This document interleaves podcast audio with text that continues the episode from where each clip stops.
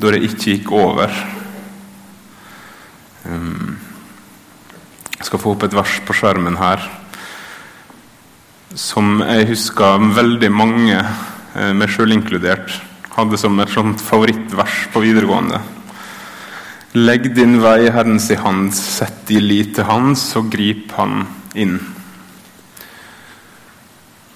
Og så har jeg merka i mitt eget liv, og så har jeg merka også at for folk rundt meg, så har det blitt vanskeligere å løfte fram dette ene verset som på en måte favorittvers. For kommer de gangene der Gud tilsynelatende ikke greip inn? Kommer de gangene der du ba og du ba, men det gikk ikke? Kommer de gangene der du var sikker på at du var i Guds plan, og så gikk du på trynet, eller du møtte veggen, eller du ble utbrent?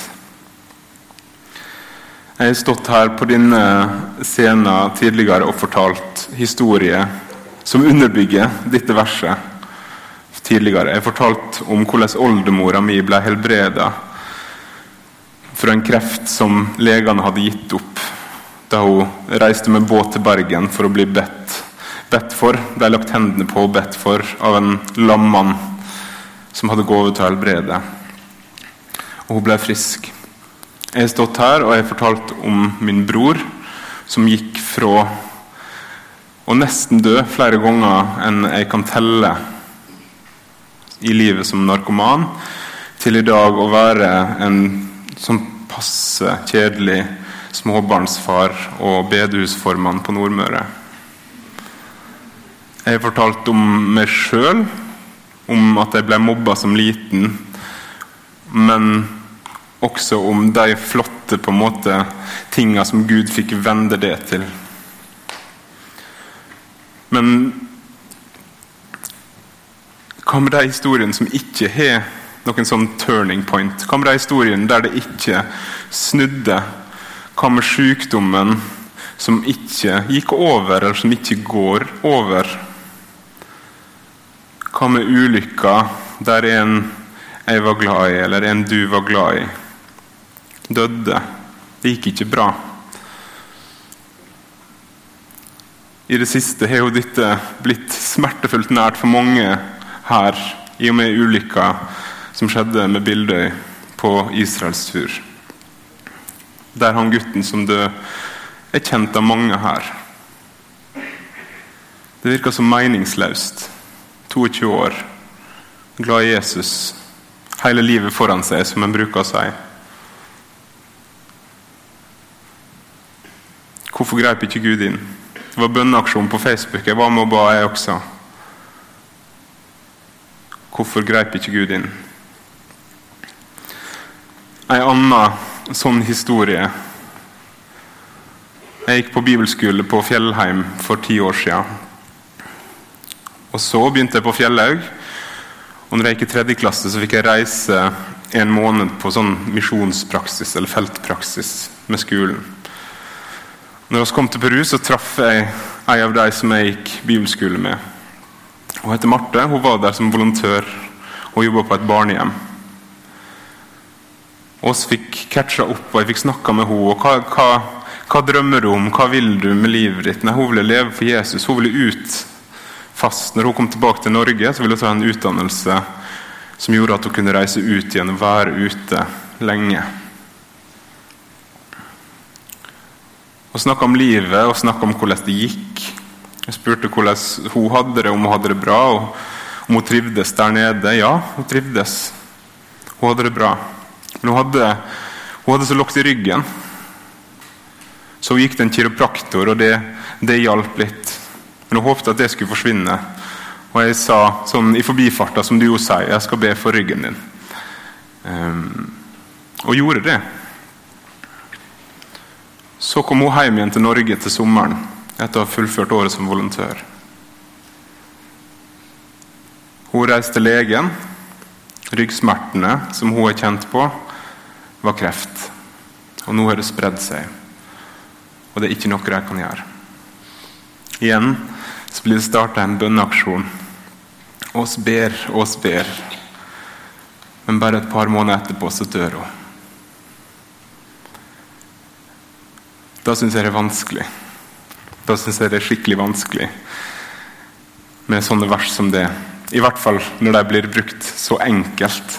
Legg din vei i Herrens hand. Stol på Han, så griper Han inn. Eller en annen oversettelse, så skal Han gjøre det. Hva når Han ikke gjør det, da? Hva når det virker som at Ja, du sier det, Gud, at du skal gjøre det. Men her sitter jeg og ser på fasit, og du gjorde det ikke.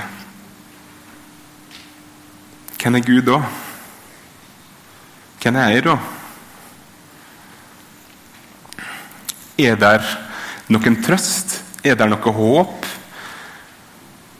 Eller må jeg stå igjen og si Gud, du sier du er trofast, men jeg tror ikke på deg.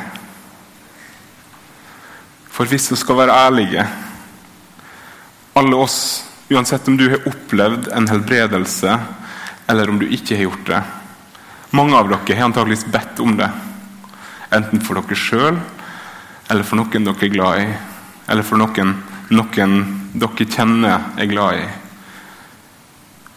Og for hver gang det skjer, og det skjer jo Men for hver gang det skjer, så er det så mange ganger det ikke skjer.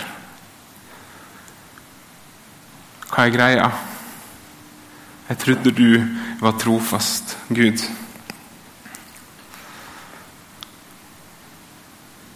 Og så tror jeg at Gud er trofast. Det sier jeg så ydmykt som jeg kan. Jeg tror Gud er trofast. Jeg tror han holder det han lover. Jeg tror hans kjærlighet fortsatt bar hun som jeg gikk på bibelskole med, selv om det for meg virka som så utrolig så utrolig bortkasta.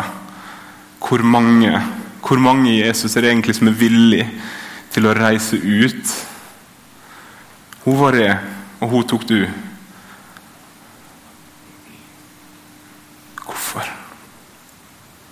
Men så tror jeg Gud er trofast. Men av og til, ofte, i stor skala eller liten skala, om du er her med en kronisk sykdom som du har blitt bedt for, og du har gått til behandling, men det går ikke over. Om du har mista noen som er nær deg, så tror jeg fortsatt Gud er trofast. Ofte så er det sånn for meg at min plan, det jeg syns virker best, og det Gud velger å gjøre, krasjer. Og Jeg tror oss finner sånne historier i Bibelen. og skal gå inn på en av dem, og skal komme innom en til. Før Jesus starta si på en måte gjerning som voksen, så var det en annen hårete, sær fyr som gikk foran han. Og som var superfrimodig, som var superannerledes, men som gønna på. Det var døperen Johannes. Og han sier til folk, 'Vend om, for himmelriket har kommet nær'. Vend om, nå kommer Guds rike, folkens. Nå kommer kongen. Vend om til han. Og så sier han til fariseerne og til de skriftlærde som kom for å bli døpt av han, ormeyngel, eller oversatt til noe vi kan forstå, satanunger. Hvem har lært dere hvordan dere skal slippe unna den vreden som skal komme? Bær da frukt som viser at dere er omvendt. Og tro ikke at dere kan si til dere sjøl og se Abraham til far. For jeg sier dere, Gud kan vekke opp barn for Abraham av disse steinene. Øksa ligger alt inn med rota på trea. Hvert tre som ikke bærer god frukt, blir hogd ned og kasta på ilden. Jeg døper dere med vann til omvendelse, men han som kommer etter meg, er sterkere enn jeg. Jeg er ikke engang verdig til å ta av han sandalene. Han skal døpe dere med Den hellige ånd og ild. Men så virker det som at den frimodige go, go, go-typen Johannes også blir overraska over denne Jesus, denne Messias, som kommer etter ham. Han forsto ikke hvordan han skulle etablere dette riket. Han forsto ikke hvordan Jesus sitt kongedømme, hvordan hans herremakt var. Det kan man se først når han kommer og skal døpes. Da kom Jesus fra Galilea til Johannes ved Jordan for å bli døypt av han. Men Johannes ville hindre han og sa jeg trenger dåp av deg, og så kommer du til meg. Jesus svarte la det nå skje. Dette må oss gjøre for å oppfylle all rettferd. Da gjorde Johannes som Jesus ville. Og så fortsetter Johannes med sitt, si gjerning, side om side med Jesus. Men etter hvert så daler det litt for han. Disiplene hans begynner å bli bekymra. Disiplene hans forstår heller ikke Jesus og hva han holder på med. Oss fasta, men Jesus sine disipler de fasta ikke. Hva er greia med det? Han som, han som du var sammen med, han, han er begynt å døpe. Og så kan han se hva disiplene til Johannes sier til ham. De gikk til Johannes og sa til han, 'Rabbi, den mannen som var sammen med deg på den andre sida av Jordan, han som du vitna om, nå døper han, og alle går til han. Johannes svarte, et menneske kan ikke få noe uten at det blir gitt han fra himmelen. Dere sjøl, mine vitner på at jeg sa, jeg er ikke Messias, men jeg er sendt foran han. Den som har bruda, er brudgom. Men vennen hans som står og hører på, han gleder seg stort når han hører røsta til brudgommen. Slik glede har jeg nå fått, og det i fullt mål. Han skal vokse, jeg skal minke. Johannes skjønner at det er Jesus som skal bli stor. Såpass forstår han, i hvert fall. Han skjønner at nå har jeg på en måte vært på høgden og er på vei ned igjen. Men det virka ikke som Johannes forsto hvor langt ned han skulle. Kanskje kan det være litt sånn for oss også at i noen sesonger så er det utrolig gøy, og bare gøy, å være en kristen. Alt funker, det flyter. Du er frimodig, bønnelivet ditt er bra, du leser Bibelen ting funker. Men så skjer det sånne ting, sånn som med Marte som jeg gikk på bibelskole med. Og så blir du stående der og tenke Var det sånn det skulle være? Var det sånn det skulle bli? Er det sånn det er å følge deg, Jesus? I evangeliet i Bibelen så kan vi lese at Johannes så blir satt i fengsel.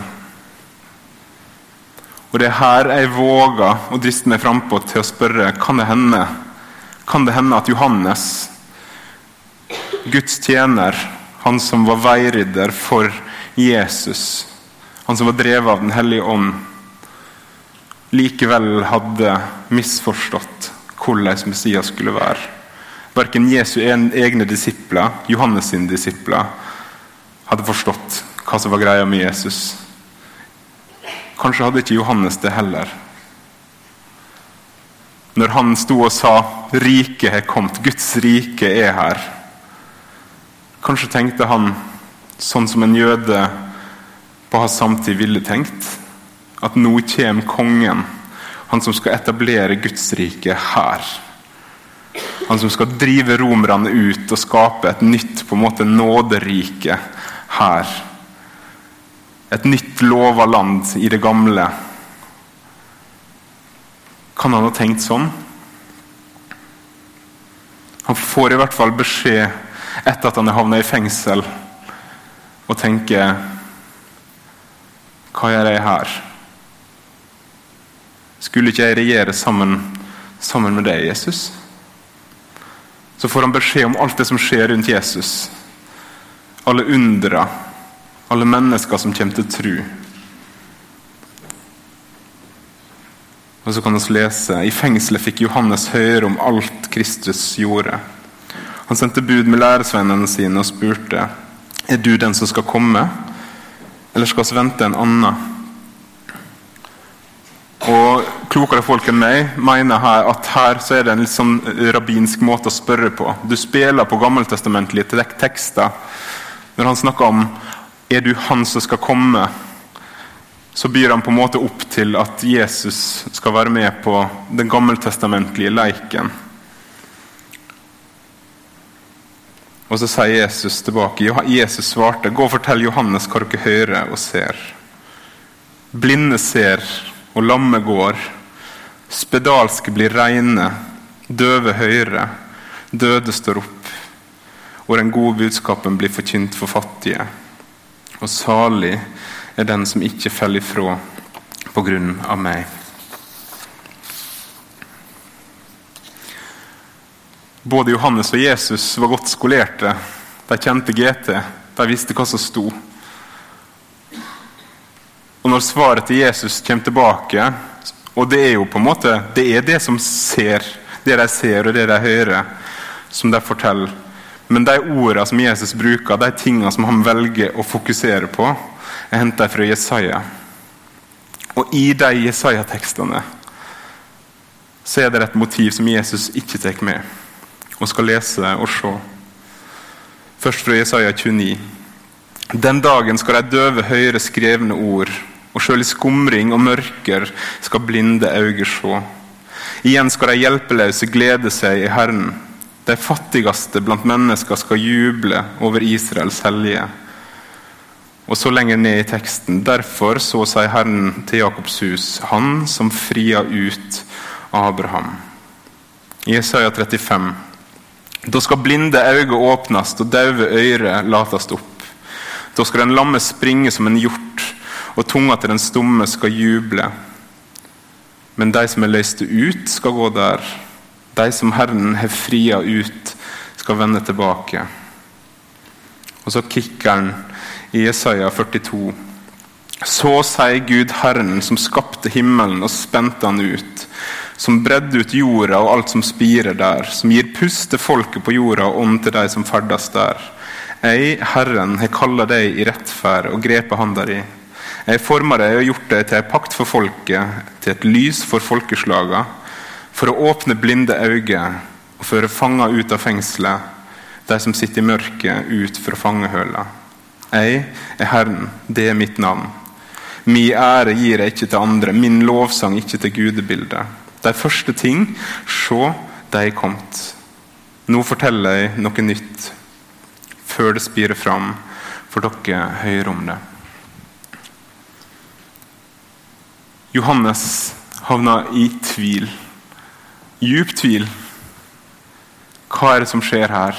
Jeg forkynte at Guds rike er kommet, og nå sitter jeg i fangehåla til en av disse kongene som det vel var planen at du skulle drive ut. Hvordan kan det være? Er du den som skal komme, eller skal vi vente en annen? Så henviser Jesus til disse tekstene i Jesaja som peker fram mot han som skal komme. Og sier 'blinde ser, døve hører, lamme går'. Og Johannes kjenner teksten.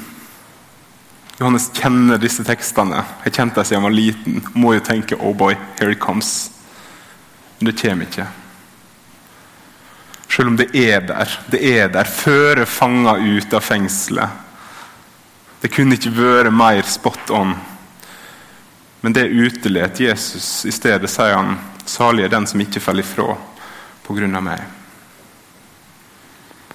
Så Jesus han svarer, 'Jeg er den som skal komme. Jeg er Herren.' Og du, Johannes, Min tjener, du kommer til å dø i fengsel.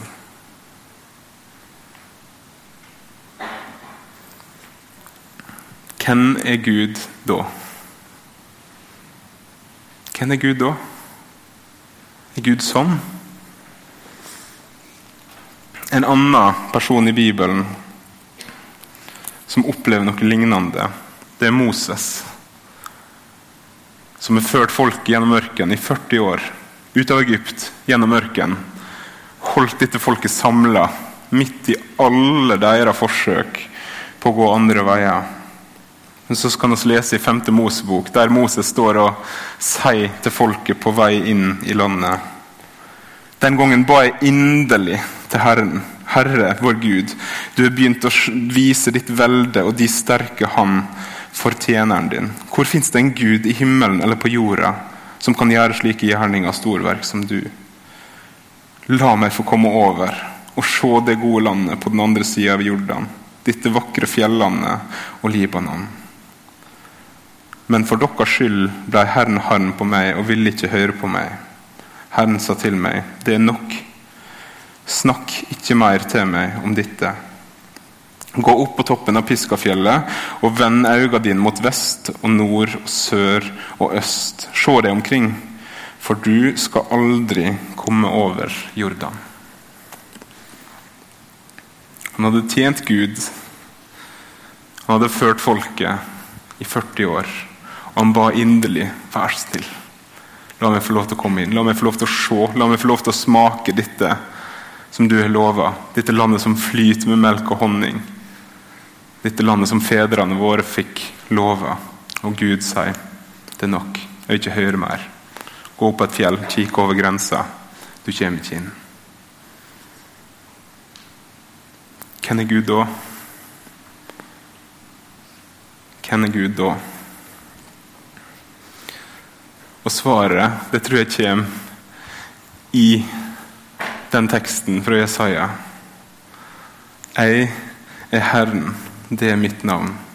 Min ære gir jeg ikke til andre, min lovsang ikke til gudebildet. Og I Johannes-evangeliet så står det i kapittel 13, vers 13.: Dere kaller meg mester og herre, og det med rette, for det er jeg. Han er herre. Jeg har aldri likt, jeg kommer aldri til å like heller, tror jeg. I møte med lidelse, i møte med sykdom, i møte med tap. Folk som sier Gud har noe mening med det. Selv om det kan være en sannhet inni der en plass. Så jeg har aldri likt den. Aldri syntes den er spesielt hjelpsom. For hvor blir jeg av det? Eller har da egentlig bare grunn til å sitte der og føle på djup takknemlighet? Midt i tapet, midt i sorgen, midt i det som virker meningsløst for meg, skal jeg bare si ja, ja, Gud, du vet best. Nei, jeg får det ikke til. Gud er kontroll. Eller som Jesus sier, jeg er Herren. Jeg er Mesteren. Det syns jeg er lettere å forholde meg til. For da har jeg en plass å gå med sinnet mitt, med frustrasjonen min. Med det jeg ikke forstår at kan henge på greip det jeg ikke forstår at kan være sånn Gud vil at det skal være. Men i forlengelsen av det så vil jeg også si noe om hvem er. Hvem er denne Herren, da? Hvem er denne Jesus som sier til Johannes Jeg er den som skal komme. Du kommer til å dø i fengselet. Og for dere som kjenner historien, han dør ikke bare, men han får hodet sitt servert på et fat foran kongen.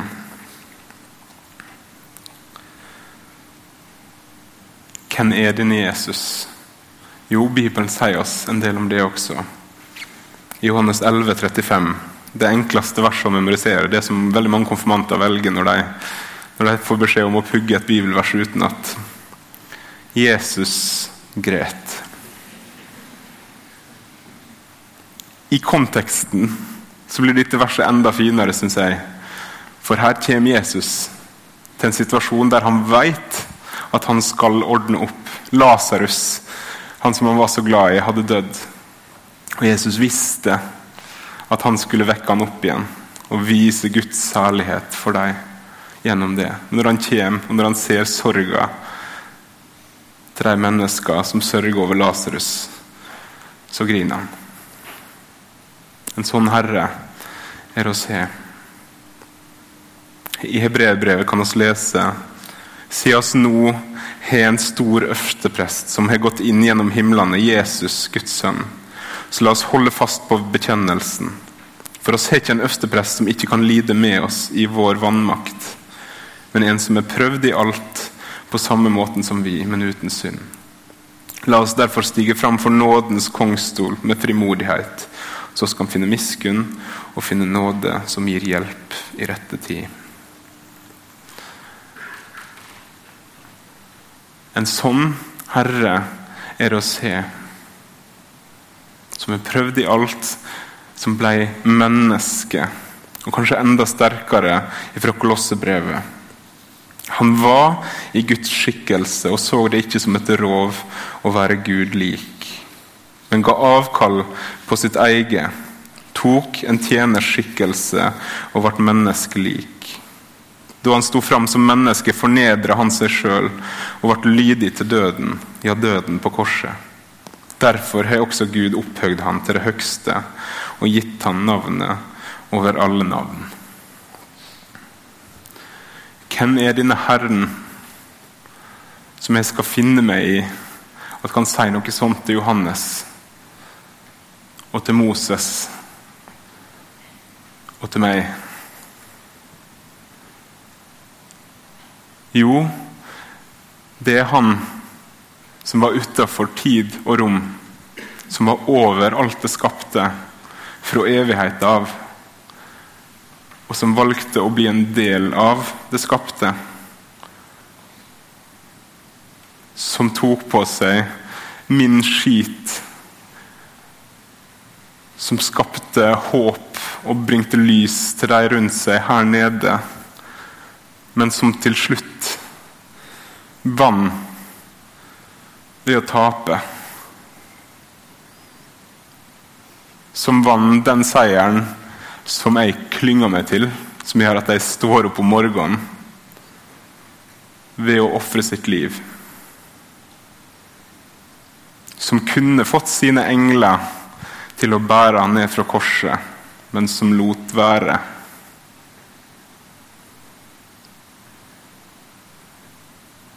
En sånn herre er det som kan si til Johannes jeg er han som skal komme, og du skal dø i fengsel.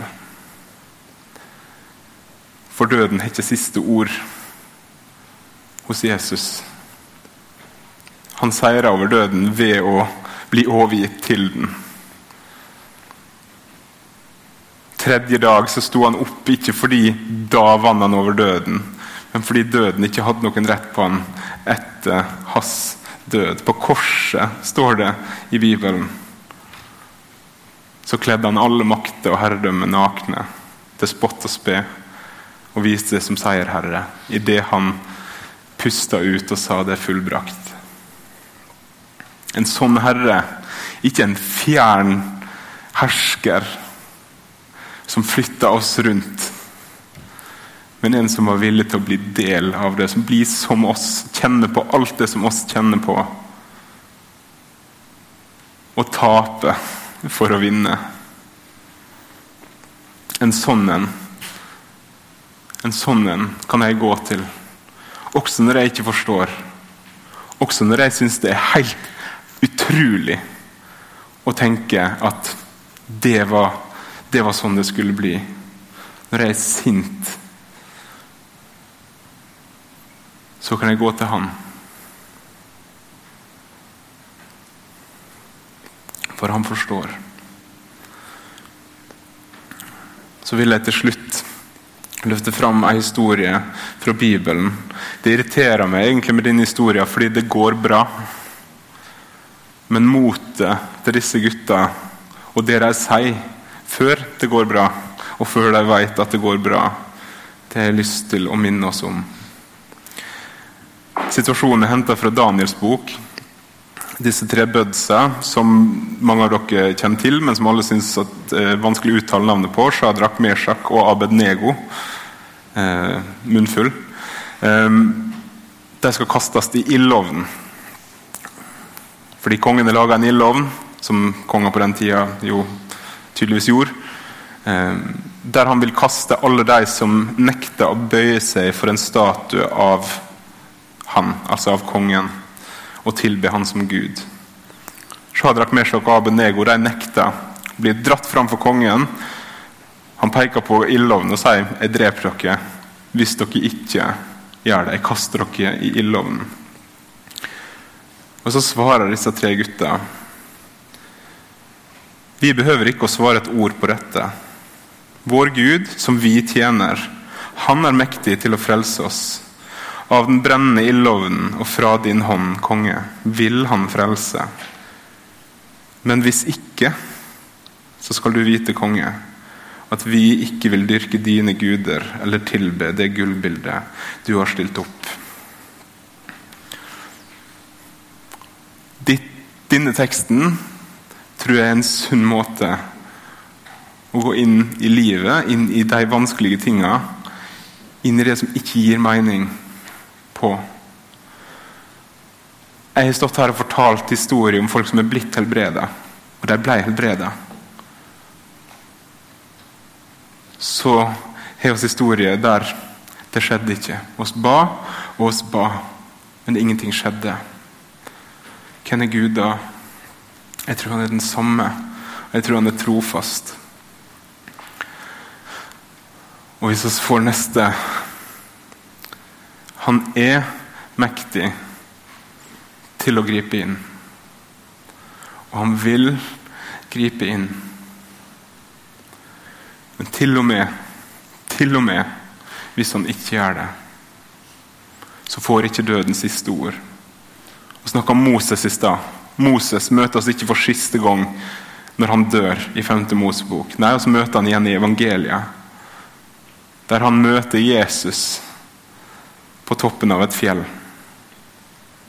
Jeg tror ikke at han var der for å krangle med Jesus om melk og honning.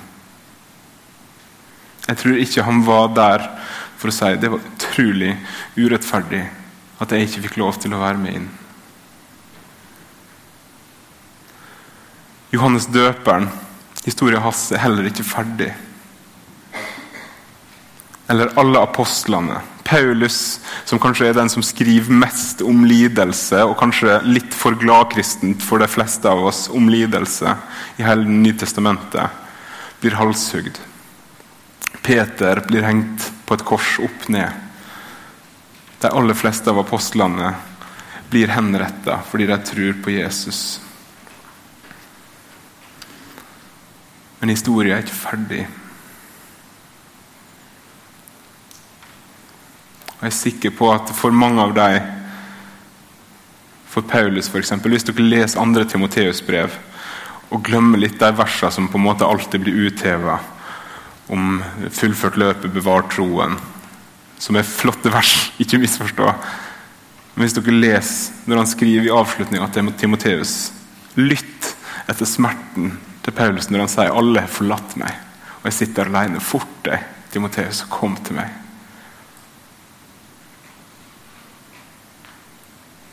Og i den smerten så har vi en frelser som møter oss. Og en frelser som også møter oss på andre sida av dette livet. Jobb, han sier, men jeg, jeg vet at min gjenløse lever og som den siste skal han stå fram på støvet. Jesus, du ser alle de tinga som oss er sinte på deg for, som oss ikke forstår. Du ser alle de gangene der det ikke var så lett å stole på at hvis jeg går til deg, så får jeg hjelp. Du ser alle de gangene der vi ikke fikk den hjelpa som vi ba om.